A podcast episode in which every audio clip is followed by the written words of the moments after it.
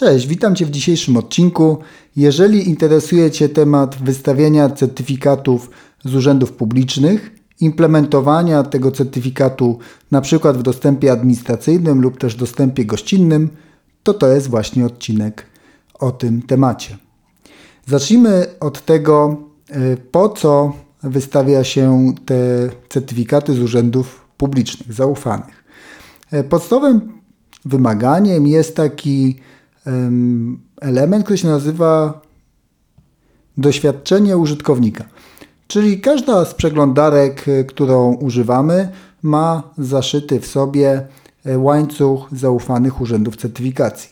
Jeżeli używamy fabrycznego, dostarczonego przez producenta certyfikatu lub sami wygenerowaliśmy z niezaufanego dla przeglądarki e, urzędu certyfikacji, no to dostajemy informację, że dana strona połączenie jest niezaufane. Żeby tego typu efektów unikać, wystarczy zainstalować certyfikat, który jest dla danej przeglądarki zaufany. No i tutaj teraz możemy rozróżnić dwa takie typy dostępu przez przeglądarkę. Pierwszy jest taki, że jest to dostęp administracyjny, wewnętrzny z urządzeń, które kontrolujemy, czyli na przykład z komputerów, które mamy w domenie. Jeżeli tak jest, to wystarczy, że dodamy do naszych przeglądarek w urządzeniach zarządzanych przez domenę urząd certyfikacji nasz wewnętrzny. I tak się najczęściej robi, jeżeli chodzi o firmowe urzędy certyfikacji, czyli po prostu naszym wewnętrznym systemem zarządzania grupowego urządzeniami końcowymi dodajemy nasz wewnętrzny urząd jako zaufany. I od tego momentu możemy naszym urzędem, który kontrolujemy, wydawać certyfikaty w różnych zastosowaniach. Taki jednak scenariusz się nie sprawdza, jeżeli mówimy o sieciach gościnnych, dlatego że tutaj w tym przykładzie nie mamy dostępu do urządzeń końcowych, nie kontrolujemy ich.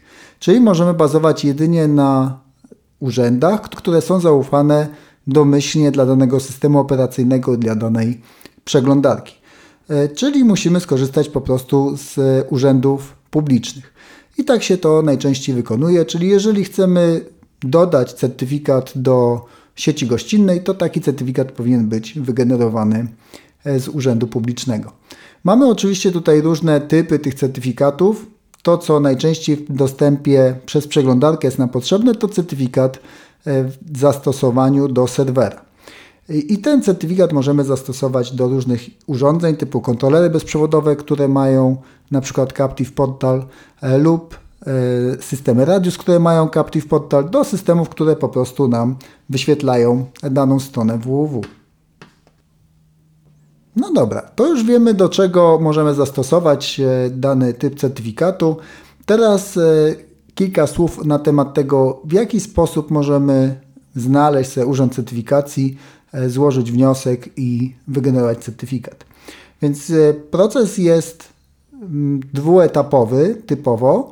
Czyli jeżeli chcemy wygenerować certyfikat dla urządzenia końcowego, dla systemu Radius, dla serwera, to trzeba wygenerować tak zwany CSR, czyli prośbę o certyfikat. I w tej prośbie jest umieszczone szczegółowe dane dotyczące tego serwera, czyli jak się nazywa, domena, kto jest właścicielem, tego typu informacje. Jeżeli chodzi o drugi pod spodem dziejący się proces, to wystawiając taki CSR, urządzenie generuje również klucz prywatny, który jest powiązany e, z tym właśnie mm, wnioskiem, czyli z tą, tą prośbą. Jeżeli wyślemy teraz e, ten CSR, on najczęściej jest generowany w formie tekstowej, czyli po prostu kopiujemy i wklejamy, to w urzędzie publicznym, prosząc o ten certyfikat, po prostu wklejamy tego CSR-a i na tej podstawie wypełniane są pola w poszczególnych miejscach tego certyfikatu. W tym CSR-ze nie ma klucza prywatnego, czyli tam do Urzędu Certyfikacji w tym procesie nie przesyłamy żadnego klucza. I to jest ważne, dlatego że zapewnia nam e, proces bezpiecznego e, dystrybuowania klucza prywatnego, czyli jest on generowany i trzymany na urządzeniu, które później będzie wykorzystywało ten klucz prywatny. To jest jeden taki model generowania tych certyfikatów. Drugi model jest bardziej pod zastosowania, gdzie my chcemy na przykład mieć możliwość przenoszenia tego certyfikatu w momencie, kiedy na przykład migrujemy na inny serwer dany system, albo chcemy z jakiegoś innego powodu mieć ze sobą i klucz prywatny, i klucz publiczny, i certyfikat, y, który jest podpisany, czyli wszystko w jednym pliku. Jeżeli chcemy tego typu scenariusz zrealizować, to możemy również ten CSR i wytworzenie klucza prywatnego wygenerować po stronie Urzędu Certyfikacji. Wtedy na poziomie Urzędu Certyfikacji wpisujemy po prostu poszczególne dane, które będą używane w certyfikacie. Jeżeli chcemy potem zaimportować e, ten certyfikat i najczęściej, jeżeli on jest w takim formacie PEM, e, czyli tekstowym, to klucz prywatny jest w osobnym pliku. E, I jeżeli mamy możliwość w danym systemie zaimportować w Twoich dwóch plikach ten certyfikat i osobno klucz prywatny, to to w ten sposób możemy zrobić. Jeżeli potrzebujemy natomiast dla niektórych systemów połączyć w jeden plik i klucz prywatny, i certyfikat, to mamy taką możliwość. Wtedy generujemy na przykład taki format PKCS12. Jest to format certyfikatu w formie binarnej i do niego możemy dołączyć inne certyfikaty, czyli możemy na przykład dołączać certyfikaty urzędów zaufanych, ale możemy również dołączyć klucz prywatny.